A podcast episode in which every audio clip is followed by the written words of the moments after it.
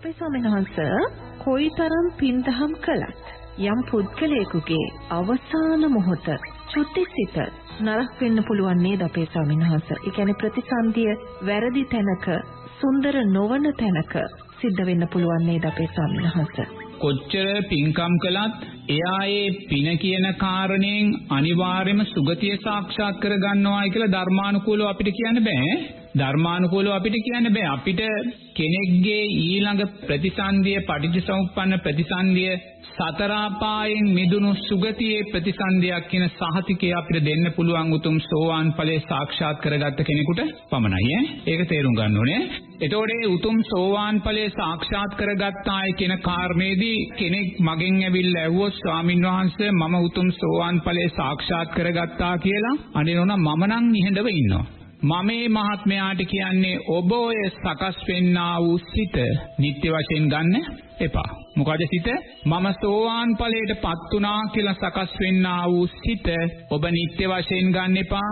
ඔය සිත තව දුරටත් අනිත්‍ය වශයෙන් දකිමින් යන්න එවිට සෝවාන් ඵලයටපත් වේවි. මොකද මට කෙනෙක්ගේ සෝවාන් ඵලයටපත් උනාද නැද්ද කියන කාරණේ මට කීමේ ශක්තිය නැහැ.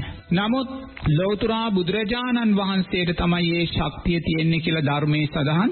ඊට අදාළ ඥානයන් ලෞතර බුදුරජාණන් වහන්සේ සතු ඥාන ශක්තියක්. ඒතර ඒ නිසා නිරේතුරුවම යමෙක් උතුම් සෝවාන් ඵලයටපත් වුණොත් පමණයි නෝනා එයා සතර අපායෙන් මිදුනායි කියලා කියන්නේ ඉම්මෙහා කොයිසා ධනවත් කෙනෙක් වේවා කොයිසා බලවත් කෙනෙක් වේවා එයා දන් දෙනවා. ඒක හරි එයා සීලය තුලත් ඉන්නවා.